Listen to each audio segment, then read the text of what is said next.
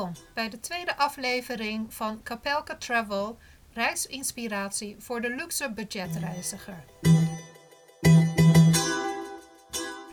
Vandaag ga ik het hebben over Nanjing, een stad niet te ver van Shanghai, die door veel reizigers wordt overgeslagen, maar mijns inziens absoluut een bezoek waard is.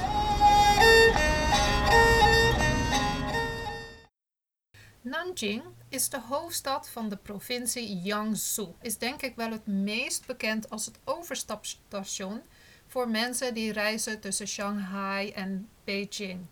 En dus veel mensen stappen hier over, maar nemen niet de moeite om de stad in te gaan. Wij hebben dat wel gedaan. Uh, wij zijn er zelfs vijf dagen geweest. En we hebben er heel veel mooie plekken gezien en heel veel bijzondere ervaringen opgedaan. Niet alleen kenmerkt de stad zich met een rijke historie, maar ook met de Purple Mountain en natuurlijk geweldig eten. Maar waar kun je dat niet in China?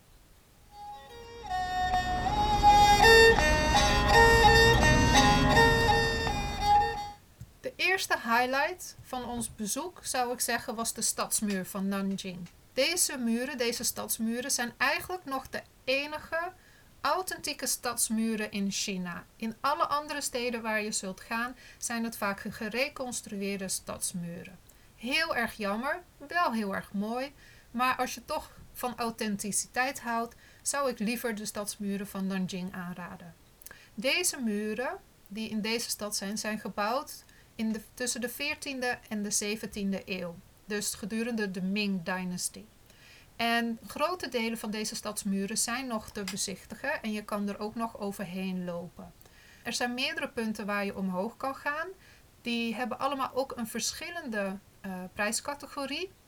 Maar de twee die ik absoluut zou aanraden zijn um, de toegangen die uh, rondom de Southgate liggen.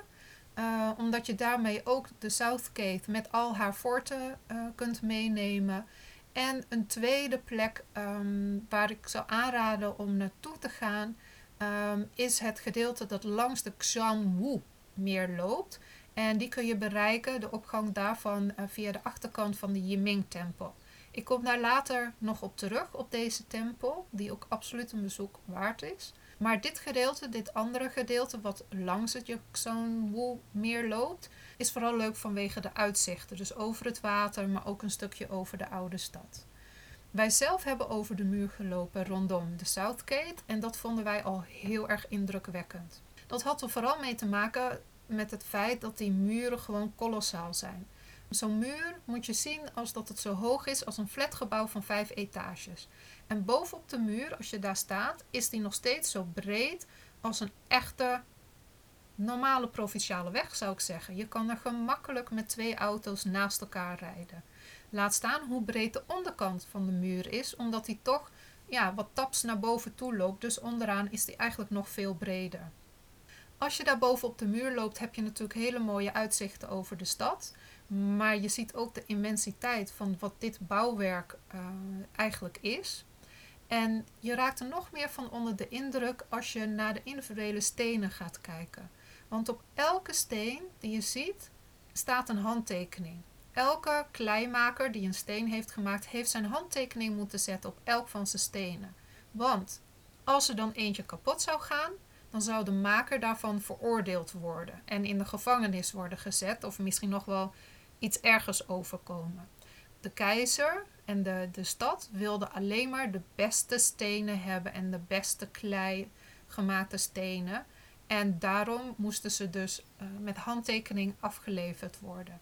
En als je dus er langs loopt, zie je heel veel verschillende handtekeningen daar langs elkaar gaan. Wat de Southgate gedeelte van de muur ook bijzonder maakt, is dat in de Southgate is nog grotendeels uh, authentiek, maar ook in oorspronkelijke staat. En je moet zo zien, je kan nog steeds onder de muur door. En dan kom je eigenlijk in drie verschillende forten erachter. Dus er zijn nog weer zo drie ja, kleine forten die daarachter zitten. En allemaal om ervoor te zorgen dat de stad optimaal beschermd wordt. Dus een leger dat via de stadsmuur naar binnen moet komen, moet zich door drie andere poorten nog verder naar binnen werken. En in dit gedeelte bevonden zich natuurlijk dan ook heel veel strijdkrachten. Wat, het, wat ik zo leuk vond, is dat je met paarden omhoog kon gaan en bovenop de muur kon rijden. Dus je ziet nu nog steeds een, een sloop, een helling die naar beneden gaat. En dan kunnen nog steeds dus auto's, paarden, ehm, alles wat maar beweegt, kan dus nog bovenop de muur komen. En we hebben een aantal overheidsautootjes boven op de muur gezien. Ik vond persoonlijk deze wandeling echt super mooi. Ehm, je kan ook onderlangs een beetje langs de muur lopen. En voor ons was het een highlight, omdat dit de enige authentieke stadsmuur nog is die er in China is te vinden. Nanjing is ook de stad van Sun Yat-sen. Sun Yat-sen wordt beschouwd als de oprichter van de Republiek China. Hij is geweest die de laatste keizer van zijn troon heeft gestoten. En iedere Chinees die naar Nanjing gaat, brengt ook een bezoek aan zijn mausoleum op de berg, die ook wel de Paarse Berg of Xijin Mountain wordt genoemd. Wij namen de metro tot vlakbij de berg en hebben het laatste stukje zelf omhoog gelopen. Het idee was om een bus te nemen, maar wij konden de bus zo gauw niet vinden. En we hadden het idee dat omdat het winter is, de bussen misschien niet vanaf dat vertrekpunt reden. Dus wij zijn omhoog gelopen. We wandelden door een mooi aangelegd park. Ja, het was best wel goed te doen eigenlijk. En als we dan op de plek aankomen, waar dan het mausoleum van Sun Yat-sen is, zijn we weer verbaasd over hoe alles commercieel is gemaakt in China. Voor de entree, voor de berg, vind je allemaal restaurantjes. Zelfs de Kentucky Fried Chicken kun je daar nog vinden. Dus je hoeft echt niet bang te zijn dat je omkomt van de honger als je op deze berg bent, want er is meer dan genoeg aanbod om te eten. Maar goed, wij waren er op de Paarse Berg voor in eerste instantie de graftombe van Sun Yat-sen. En deze bezienswaardigheid is echt ontzettend populair onder de Chinezen. En iedereen die naar Nanjing gaat, bezoekt ook het mausoleum van Sun Yat-sen. Om er te komen moet je wel eerst even een ticket halen uh, bij, een, uh, bij een kantoor. Uh, de tickets zijn gratis, maar natuurlijk willen ze even dat je je registreert. Zoals dat vaak geldt voor veel bezienswaardigheden in China. Wij hebben heel keurig de 300, hoeveel trappen waren het? Oh, het waren er veel. 392 trappen hebben wij beklommen. En we zijn keurig in de rij gaan staan om uh, naar binnen te mogen en zijn tombe te mogen bezichtigen. Wij vonden het heel mooi om te zien hoe de Chinezen hier zo'n groot respect hebben voor deze man. En ja, dat ook in China er wel degelijk helden zijn. Op deze Paarse Berg zijn nog veel meer bezienswaardigheden te vinden. Zo is er ook een graf van de keizer, Ming Xiaoling, die hier ligt begraven. Hij was de eerste keizer van de Ming-dynastie, dus dat is een hele oude graf. En in het voorjaar komen ook heel veel bezoekers naar deze berg om de bloesems van de vele pruimenbomen te bewonderen. Het is ook een ontzettend commercieel gebied. Er rijden allemaal treintjes rond, zogenaamde toeristentreintjes. En wij hebben een van die toeristentreintjes genomen naar het Lingu tempelgebied. Een van de redenen waarom ik heel graag naar dit tempelgebied wilde, was vanwege een gebouw dat heet Wuliangjian. Ik spreek het misschien niet goed uit, maar wat het is, is een, het is een gebouw uit 1381 dat volledig van stenen is gebouwd zonder dat men gebruik heeft gemaakt van houten balken. Dus het is heel erg alsof je door een kelder wandelt, maar dan boven de grond. Ik vond dat wel bijzonder. Ik hou van bijzondere gebouwen en bijzondere plekken die uniek zijn in een land als bijvoorbeeld China, waar zeker niet gebruikelijk is om gebouwen uit steen te maken. Vroeger stonden hier Boeddha-beelden, maar die zijn weggehaald en er staan nu uh, diorama's, zou ik zeggen, met levensgrote poppen die de recente geschiedenis van China weergeven. Wij vonden dat wel weer heel bijzonder om op zo'n manier een stukje geschiedenis te vertellen. Nou, op dit tempelgebied is natuurlijk ook een tempel, de Lingu-tempel. Prachtige plek. Het was best wel koud. En toen plotseling de zon even doorkwam, en wij op een stoeltje gingen zitten tegen een muur aan met onze gezichten in de zon, hadden we echt even een gelukzalig momentje, om het maar zo te zeggen. Dus ja, ons bezoek aan deze tempel kon eigenlijk niet meer stuk gaan. Het is ook een bijzondere tempel. In eerste instantie vind je er een groot beeld van een monnik die aan het schrijven is. En hij verbeeldt de monnik Xuang Sang. Ook waarschijnlijk niet goed uitgesproken, maar hij is de boeddhistische monnik die naar India reisde en terugkwam met de geschreven boeddhistische teksten. Nu is een beeld leuk, maar in deze tempel ligt ook nog een stukje fysieke aanwezigheid van deze monnik. Want naast het beeld zie je een grote pagoda staan. En een deel van zijn schedel ligt in die pagode. Nu konden we die schedel niet zien. Ik denk ook niet dat je die makkelijk kunt zien.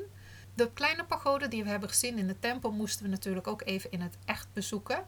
Wij zijn daar ook vanuit de tempel naartoe gewandeld. Terwijl je daar naartoe loopt, uh, kom je ook nog langs een oude graftombe. Er is nog een herdenkingsplaats voor gevallen Japanse soldaten van tijdens de Japanse bezetting.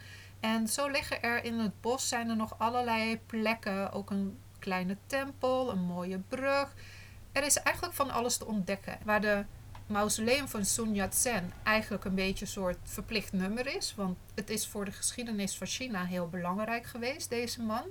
Is deze tempelgebied, dat veel minder uh, bezocht wordt, veel interessanter om ja, een stukje gewoon te genieten, om het maar zo te zeggen.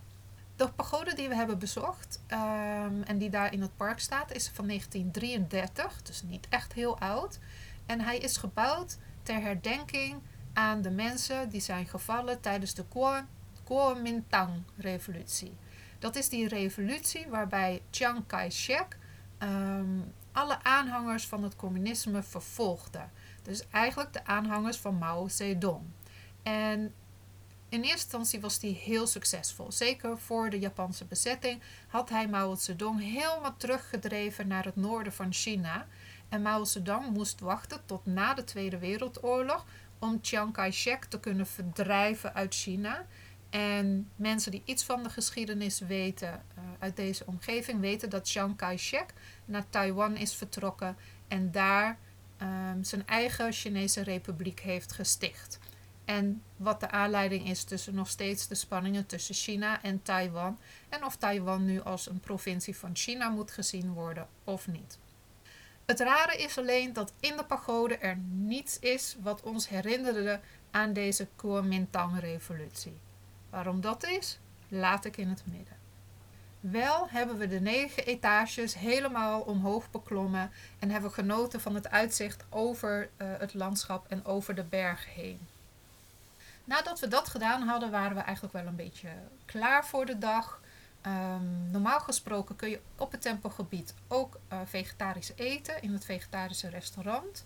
Maar die was op de dag dat wij er waren helaas gesloten. Dus wij zijn teruggelopen en wij hebben al wandelend uh, het tempelgebied verlaten en we zijn de berg afgegaan naar beneden richting metrostation Songlingji. En tijdens de afdaling kwamen we weer door een heel groot stadspark. En wat we daar zo leuk vonden was dat we heel veel volwassen mannen zagen die druk in de weer waren met grote vliegers. En we vonden dat best wel een beetje een amusant gezicht. En het is ook gewoon leuk om te zien hoe de Chinese uh, inwoners van Nanjing vrije tijd besteden.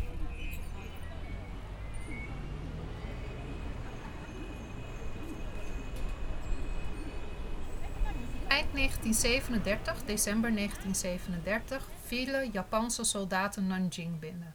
En zij hebben in drie, vier weken een enorme slachtpartij aangericht. Het zijn gruwelijkheden gebeurd in die paar weken hebben ze 300.000 slachtoffers gemaakt. Nanjing wordt ook wel gezien als de plek waar het, uh, de Japanse bezetting echt op zijn ergst is geweest.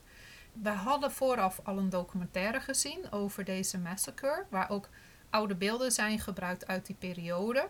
Maar we wilden ook ja, deze Memorial Hall, die er in Nanjing staat, uh, bezoeken. Om nog meer te leren over wat hier in Nanjing had plaatsgevonden. Bij onze aankomst bij de Memorial Hall werden we binnengelaten. En in eerste instantie loopt langs het gebouw zelf, waar een heel groot standbeeld staat uh, van een, een, een manspersoon of een vrouwspersoon in pijn. En vervolgens zijn er verschillende standbeelden die een aantal gruwelijkheden van de Nanjing Massacre uitbeelden. Vervolgens ga je naar binnen en dan word je chronologisch meegenomen uh, door de gebeurtenissen uh, voordat de Nanjing Massacre plaatsvond, maar ook uh, wat daar daarna, dus nadien, allemaal is gebeurd. Het is een hele indrukwekkende plek. En wij waren ook heel erg onder de indruk van het feit dat het zo ontzettend goed bezocht wordt door de Chinezen zelf. En eigenlijk vind ik het wel weer heel interessant dat deze Nanjing Massacre, wat grotendeels door de Japanners, hè, Japanse soldaten is gedaan, um, heel veel aandacht krijgt. Maar wij weten net zo goed dat dat niet het enige, laten we zeggen, grote mensenmassa uh, lijden is geweest in China. Dat onder Mao Zedong en ook andere keizers en andere leiders uh, grote delen van de bevolking zijn gestorven in armoede, door oorlogen en uh, vergeet het allemaal maar even niet. En gedurende onze uh, reis door deze provincie van Jiangsu um, was dit eigenlijk de enige plek die een nagedachtenis gaf over het lijden van de bevolking. En het interessante is dus dat het om een lijden gaat wat niet door de Chinezen aan de Chinezen zelf is gedaan, maar door de Japanse soldaten aan de Chinezen. Maar goed, dat is een stuk veiliger. Um, en wij zijn al lang blij dat uh, het op die manier wordt herdacht. En dat wij ook uh, ja, een hele mooie uh, herdenkingsplek hebben mogen bezoeken. Het feit dat de Nanjing Massacre zo bekend is geworden, is eigenlijk gekomen doordat er heel veel buitenlanders op dat moment in Nanjing woonden. Nanjing was op dat moment ook de hoofdstad van China. En deze buitenlanders zijn gebleven en die hebben geprobeerd om een veilige haven te creëren, een soort neutral zone waar mensen naartoe konden vluchten als ze vervolgd werden door uh, de Japanners. Maar het zijn ook deze buitenlanders die verslagen hebben geschreven, die uh, foto's hebben gemaakt, die films hebben gemaakt, die alles hebben vastgelegd, getuigverklaringen hebben opgenomen. En dat ook naar buiten hebben gesmokkeld naar de westerse media, waardoor al vrij snel ook aandacht kwam van de westerse media voor uh, de gebeurtenissen die daar in Nanjing plaatsvonden. Doordat deze buitenlanders zoveel hebben gedocumenteerd, zie je dus ook dat er heel veel materialen zijn. En in het museum ja, kon je daar heel van, van bezichtigen. En werd er ook echt een hele gedetailleerde beschrijving gegeven van al wat daar heeft plaatsgevonden. Ik wil wat we gezien hebben liever niet beschrijven. Ik denk dat als je daar nieuwsgierig naar bent, dat je uh, heel gemakkelijk een uh, YouTube of een documentaire kan vinden die hierover gaat. Er is ook een boek geschreven. Ik zal daarvan van beide, van de video, een documentaire en van het boek, zal ik links plaatsen in mijn show notes. Zodat je alvast misschien wat kan inlezen over deze ja, gruwelijke, maar bizarre en bijzondere uh, gebeurtenissen in Nanjing. Het museum besteedt een groot deel aandacht aan alles wat daar is gebeurd. En wij dachten, oké, dit hebben we gezien, we zijn klaar. En we hadden eigenlijk met iemand afgesproken om te ontmoeten. En toen kwamen we tot ontdekking dat het eigenlijk nog maar het begin was. Dat vervolgens er nog meerdere zalen waren waarin het gebeuren van de massacre in Nanjing uh, wordt vertaald naar hedendaagse gebeurtenissen, hedendaagse vraagstukken, naar kunstwerken die nog weer herinneren aan, de, aan het bloedbad in Nanjing. En ook herdenkingsruimtes, stilteruimtes, waar je kan stilstaan bij de slachtoffers. Um, want we moeten natuurlijk niet vergeten dat waarschijnlijk iedereen die in Nanjing woont wel een familielid heeft gehad die is omgekomen uh, bij deze, dit vreselijke bloedbad. Dus voor wie naar Nanjing gaat en daar wat tijd doorbrengt, zou ik zeker aanraden om, uh, om deze herdenkingsplek te bezoeken. Uh, het is misschien niet een happy place to be, maar ik denk wel dat het goed is om te begrijpen ook uh, daardoor wat de spanning ook deels is tussen China en Japan. En wij hebben van tevoren eigenlijk nooit zo stilgestaan dat de bezetting van Japan in China uh, echt heel gruwelijk is geweest en ook enorm veel gevolgen heeft gehad.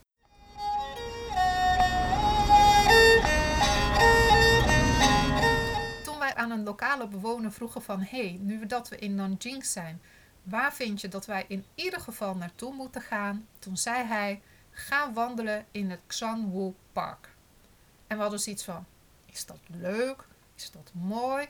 En hij zegt, nee, het is een van de mooiste plekken in de stad. En ik moet zeggen, het meer, Xanwu Meer en het park eromheen, ligt ook midden in de stad. Maar als je er loopt, heb je helemaal niet het gevoel midden in de stad te zijn. En het is zoveel malen groter dan uh, de bekende tuin van uh, Shanghai. Maar het heeft wel heel veel van die elementen verspreid over het terrein. En ja, je hebt in Hangzhou ook natuurlijk een heel groot meer waar je omheen kan lopen. Maar dat meer is weer zo groot dat je het ontzettend lang over doet om er omheen te lopen. Terwijl Xanwu meer juist kleinschaliger is. En ze hebben ook hier dijkjes en bruggen gemaakt zodat je als het ware over het water loopt. Superleuk natuurlijk. Dus wij wilden het goed aanpakken en we zijn dus in eerste instantie met de metro naar de halte NFU gegaan, of Xin Suang, om dan via het wat zij noemen Lovers Park over bruggen en dijkjes naar de verschillende eilandjes in het meer uh, te gaan en die te bezoeken. Misschien hadden we geluk. Die dag had het net gesneeuwd. Er was een beetje mist. Toen we dan aankwamen ook in het Lovers Park en we hadden het uitzicht over het meer, waren we eigenlijk in complete verbazing. Want het was alsof we in een aquarel waren gestapt. Die typische aquarellen die je ziet uh, van de Chinese kunst. Met een mooie treurwilg, in grijze kleuren, met een accentje groen of een accentje rood. En dat was precies wat we ook hier zagen. En toen realiseerden we dat deze aquarellen gewoon echt op de werkelijkheid zijn gebaseerd. En we hebben eigenlijk altijd gedacht dat het een soort abstractie was van de werkelijkheid en van de natuur in China. Maar het is daar echt zo, zoals het eruit ziet op deze aquarellen.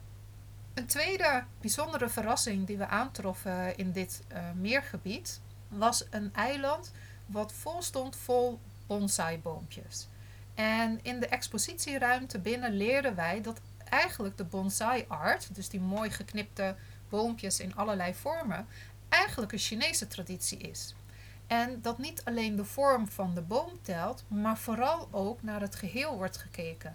Dus hoe verhoudt het boompje zich tot de geplaatste rotsen en figuurtjes in de bijbehorende pot? Dus het, is, het wordt ook echt beschouwd als een kunstwerk. En daar hadden wij nooit zo heel erg bij stilgestaan. Want ja, bij ons in de omgeving, als we naar een tuincentrum gaan, kun je een bonsaiboompje kopen. En je gaat het een beetje knippen en je denkt dat is het. Maar dat is het dus helemaal niet. Er zit veel meer gedachtegang achter, veel meer betekenis. En uh, wij hebben daar echt met volle verbazing, denk zeker een half uur langs de verschillende boompjes gelopen, zowel binnen als buiten. En dan was er aan de overkant van deze, ja, laten we het noemen, een bonsai museum, een hele mooie tuin vol met kalksteenrotsen. En um, Chinezen leren we ook houden van die, van die kalkstenen rotsen die vol met gaten en, en binnen tunnels zijn. Dus eigenlijk is het iets heel broos, maar het staat nog steeds. En het staat er natuurlijk al honderden jaren. En um, in de Chinese cultuur worden deze rotsen echt verzameld. En um, is je tuin niet compleet zonder zo'n kalksteenrots. En de groter en de de brosser als het ware het is, de mooier mensen het vinden. En al deze variaties en hoe ze daar naar kijken, vind je ook weer terug in deze Chinese tuin. Met allemaal over bruggetjes loopt en dan naar plekjes gaat en dan al deze rotsen ziet. Het was voor ons echt ja, weer zo'n verbazing om iets tegen te komen wat we niet hadden verwacht. Maar ook in een kwaliteit waarvan we het niet hadden verwacht. Naast wat reguliere standbeelden passeren we ook tijdens onze wandeling uh, via de verschillende eilandjes in het meer ook nog een rozentuin. Er waren pruimen en kersenbomen. En hi ho, natuurlijk ontbrak er ook geen fastfoodrestaurant. En midden in het gebied staat er heerlijk een McDonald's. En vlak voor het einde van onze wandeling kwamen we nog langs een amuse amusementspark. Uh, een mini-mini uh, Eftelingetje zou ik zeggen. Of een mini-mini Walibi. Nadat we van het uh, meer kwamen, hebben wij nog een bezoek gebracht aan de Yiming-tempel. Dat is een tempel die daar vlakbij ligt. Een oude tempel ook. Relatief goedkoop. Maar hij is echt tegen de stadsmuur bijna aangebouwd. Het is ontzettend stijl. En op een hele kleine ruimte zijn heel veel ja, ruimtes, kamers, huisjes, etc. te zien. Om daar naar binnen te komen kostte je 10 yuan. En dat is op zich niet eens zoveel. En daarvoor krijg je ook drie wierookstokjes. Wij voelden ons een beetje onhandig daarmee. Want ja, wat ga je nou doen met je stokjes? Wij zijn geen boeddhisten en we willen ook niet zomaar zwaaien. Want ja, wie weet uh, beledigen we daar mensen mee. Dus we hebben uh, gekozen om iets te doen wat dichter bij onze tradities lag. En dat was het aansteken van de wierookstokjes, zoals we dat uh, ook doen met een kaars in de kerk. En we hebben ieder voor zichzelf een wens uitgesproken. Gesproken, en daarna de stokjes in een grote vat gezet. Welke gevuld was met fijnzand. Waar ook uh, veel van de bezoekers hun eigen stokjes zetten. Ontzettend drukke bezochte tempel, vooral door jongeren. Daar waren we wel heel verbaasd over. Maar we vermoeden dat dat deels te maken heeft met de vele universiteiten die uh, iets verderop liggen. En we hebben dan ook op een afstandje bekeken hoe deze jongeren allemaal aan het bidden waren, aan het rondwandelen over het terrein, dingen verkenden. En ja, men, men ziet het echt in onze beleving als een plek om uh, ja, de goede wensen uit te spreken, om te bidden voor whatever you need. In de uh, Yiming Temple is ook een pagode. Alleen was deze pagode tijdens ons bezoek helaas gesloten. En daardoor hebben wij het uitzicht over het meer gemist.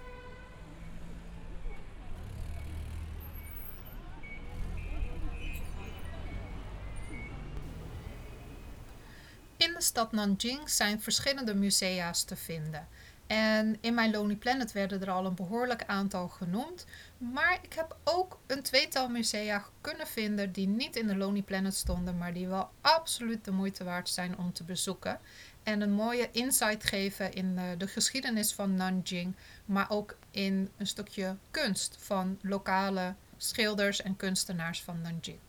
Maar ik begin met een museum die wel in het Lonely Planet staat. En dat is het Nanjing Museum. Het is een enorm groot complex weer, zoals bijna altijd alles heel groot is in China.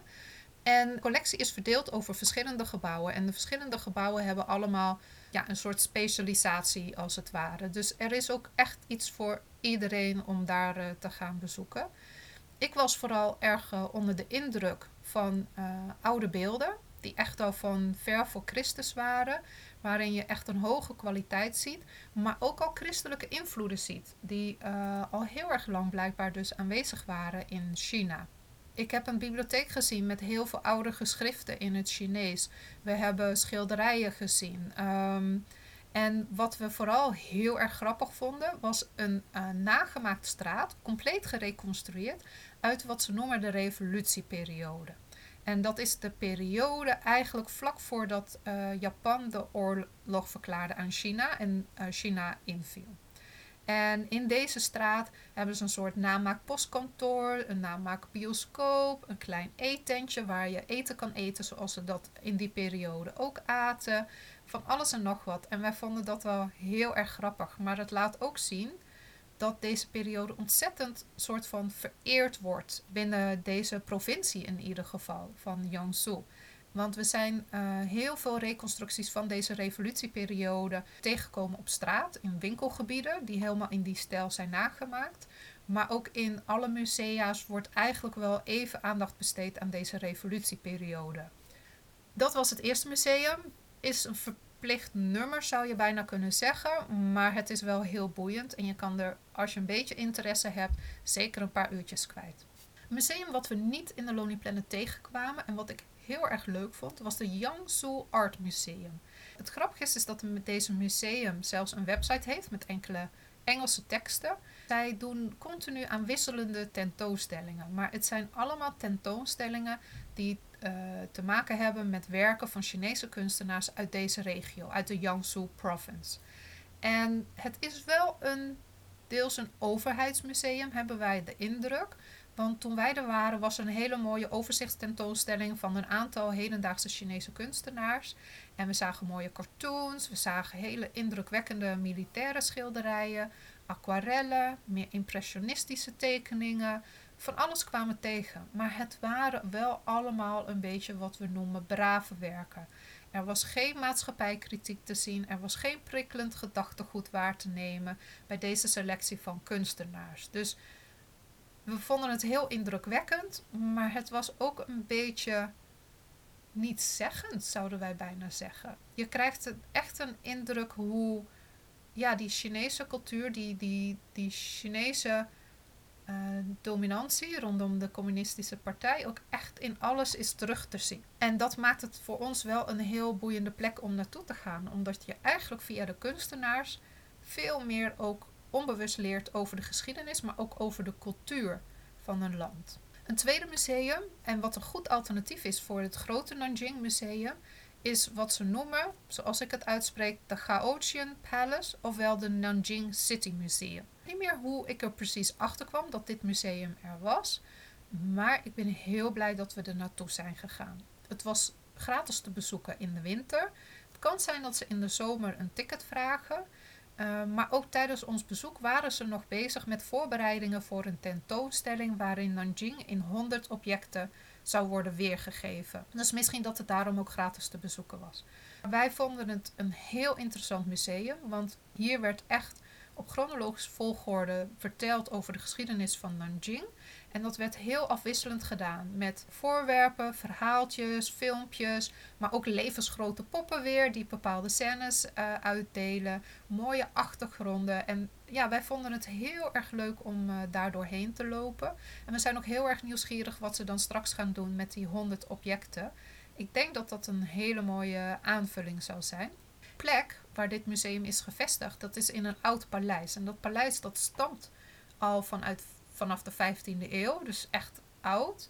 Maar is destijds weer hergebouwd in, tijdens de King Dynasty vanaf 1866 ongeveer. Dus uh, het is niet echt super super oud wat dat betreft, maar het is wel compleet in traditionele stijl.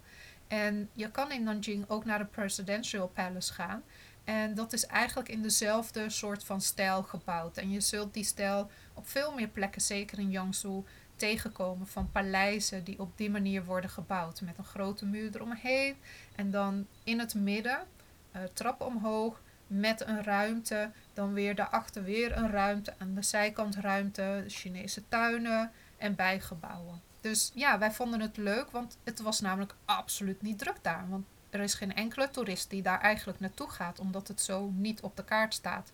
Uh, voor typische ja, toeristische informatie. En op het terrein waren ook hele mooie doorkijkjes naar Chinese tuinen en uh, ja, allerlei terrassen waar je naartoe kon gaan. Dus wij vonden het een absolute prettige ervaring om daar te zijn. En we hebben ook veel geleerd over de geschiedenis van Nanjing. En dat is natuurlijk ook wel weer heel boeiend. In het museum waren toen ook nog een aantal kleinere exposities in kleinere ruimtes. Dus ja, voordat we door hadden, waren we eigenlijk alweer bijna twee uur verder. Vonden wij dit wel de meest onverwachte highlight van Nanjing.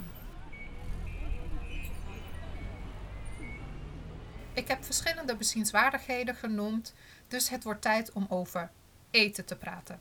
Want wie naar Nanjing gaat, kan er niet omheen. Die zal op de een of andere manier terechtkomen bij een Nanjing Impressions Restaurant. Het is een keten met een aantal vestigingen in uh, Nanjing.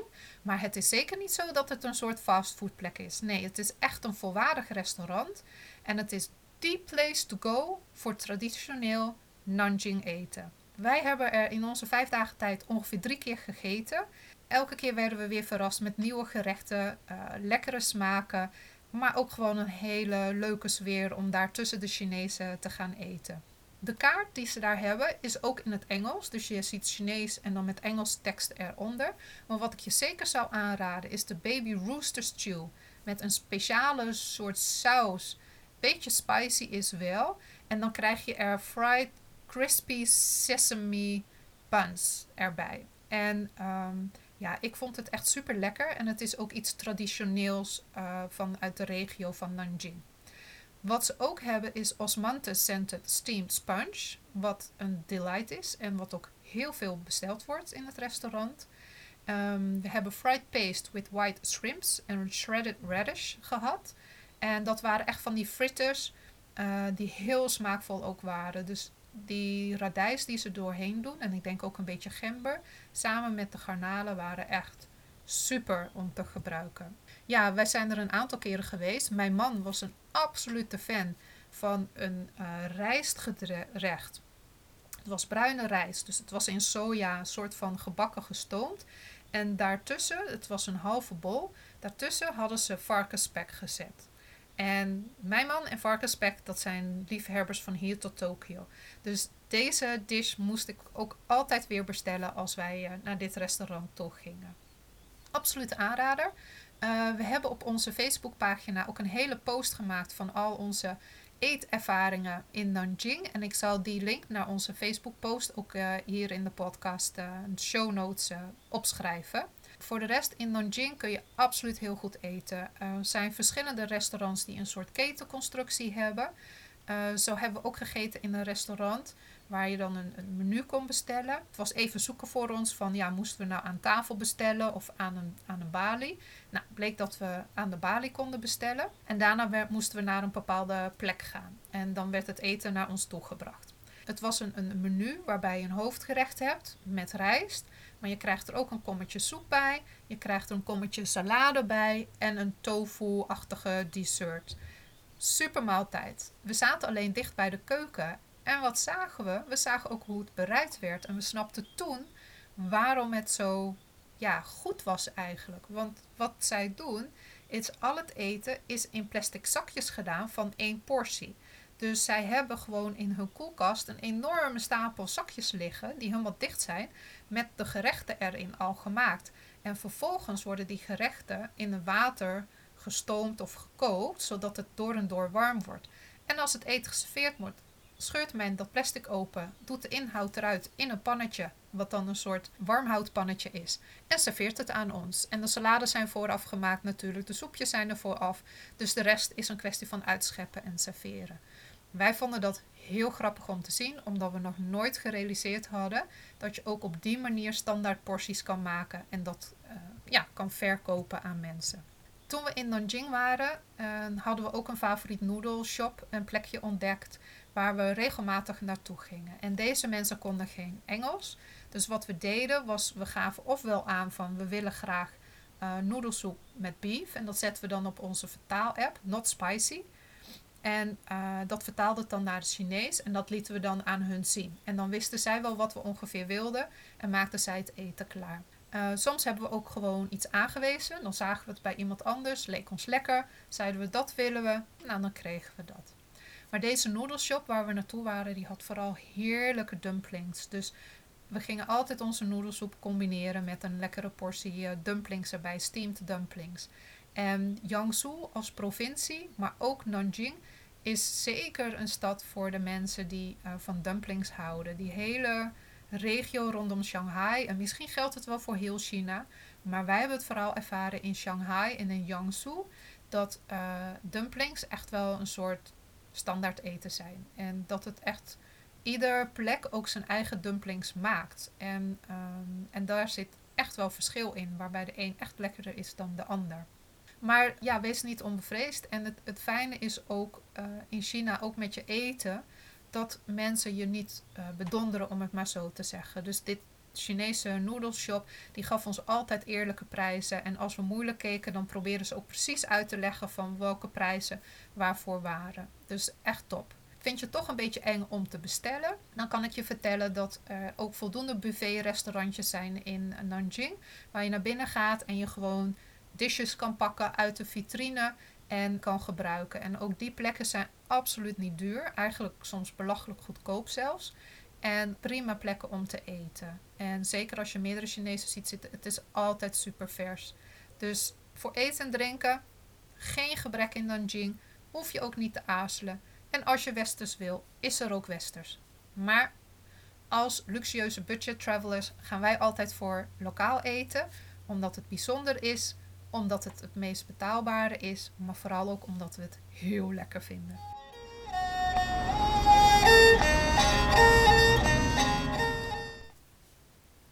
In deze podcast heb ik verteld over uh, wat wij gedaan en gezien hebben in Nanjing. En natuurlijk hebben we eigenlijk nog wel meer dingen gedaan en gezien in Nanjing ten tijde dat wij er waren. Maar waar ik over heb verteld waren eigenlijk wel onze highlights, de meest bijzondere ervaringen die we hebben gehad. Um, wie Nanjing bezoekt, moet zeker in de avonduren door de stad heen lopen, omdat dan het centrumgebied prachtig verlicht is. Um, je kan ook een boottochtje doen over de kanalen heen en dan allerlei voorstellingen zien van poppen en, en, en, en weet ik veel allemaal wat. Wij vonden het een beetje te kitsch en te, te toeristisch als het ware. En wij hebben ook in het centrumgebied eigenlijk het bezoek aan de Confucius Tempel, aan de Examination Hall, en een aantal andere musea's hebben wij achterwege gelaten. eigenlijk vooral omdat we realiseren dat veel van deze musea's een soort reconstructies hebben gemaakt rondom een bepaald gebied of rondom een thema. Dus het is niet per se origineel, om het maar zo te zeggen. Um, die examination hall um, kan wel interessant zijn, uh, omdat het een stuk verhaal vertelt over hoe vroeger in China, als je bij de overheid wilde werken, je een centraal examen moest afleggen. En daarvoor werden mensen echt in, in kleine celletjes gezet en moesten ze dagenlang aan allerlei opdrachten werken. Het museum vonden wij een beetje te duur, omdat we ook wisten van ja, deze informatie kun je gewoon lezen en wat ze je laten zien is niet een authentieke examenhal. Maar goed, het kanaalgebied is super leuk om doorheen te lopen. Als je even behoefte hebt aan een beetje westerse sfeer met een goede koffie of een goede thee, dan zou ik Café Sculpting in Time aanraden. Kan er rustig zitten, wordt niks aangetrokken en gedaan. Als je een gewone koffie neemt, wordt die ook nog een keer weer aangevuld. En ook voor de tv, uh, thee kreeg ik nog een keer uh, water bijgevuld. Dus het is wel duur naar verhouding, maar het is ook een hele aangename plek om te zijn. In de winter binnen en zomers kun je ook aan het kanaal zitten en gewoon lekker mensen kijken. Tegenover Sculpting in Time zit een Nanjing Impressions restaurant, als je het wil weten. We hebben nog veel meer uh, bezienswaardigheden gevonden en gezien die we niet gezien hebben in Nanjing. Dus ga zeker een reisgids uh, nemen als je naar Nanjing gaat of laat je goed informeren door je hotel of door lokale mensen over wat je daar allemaal kan doen. Wil je een overzicht hebben van waar wij zijn geweest en wat we hebben gedaan, dan kun je ook naar mijn Google Maps gaan, waarin ik uh, op de plattegrond heb aangemerkt waar de verschillende bestemmingen zijn die we hebben bezocht. En wie weet uh, helpt je dat ook bij het plannen van je eigen bezoek aan Nanjing.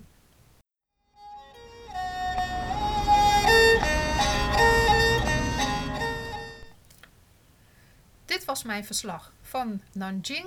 Ik hoop dat ik je geïnspireerd heb om, als je van plan bent om naar China te reizen, om ook hier een aantal dagen door te brengen. En als je er niet heen gaat, dat je gewoon genoten hebt van mijn verhaal over ons bezoek aan Nanjing. Ik zou het super tof vinden als je ofwel mij gaat volgen met mijn podcast, want daar word ik heel erg blij van. Of dat je mijn podcast liked op de goede like-pagina, zodat ik wat hoger in de zoekopdrachten kom. Ofwel als je zegt van ik vind het een hele leuke podcast en ik wil vooral dat je door kunt blijven gaan met wat je aan het doen bent. Maak dan gebruik van mijn PayPal link in de show notes om mij een kleine bijdrage te sturen. Other than that, have a great day. En uh, ik hoop binnenkort weer terug te komen met een nieuwe.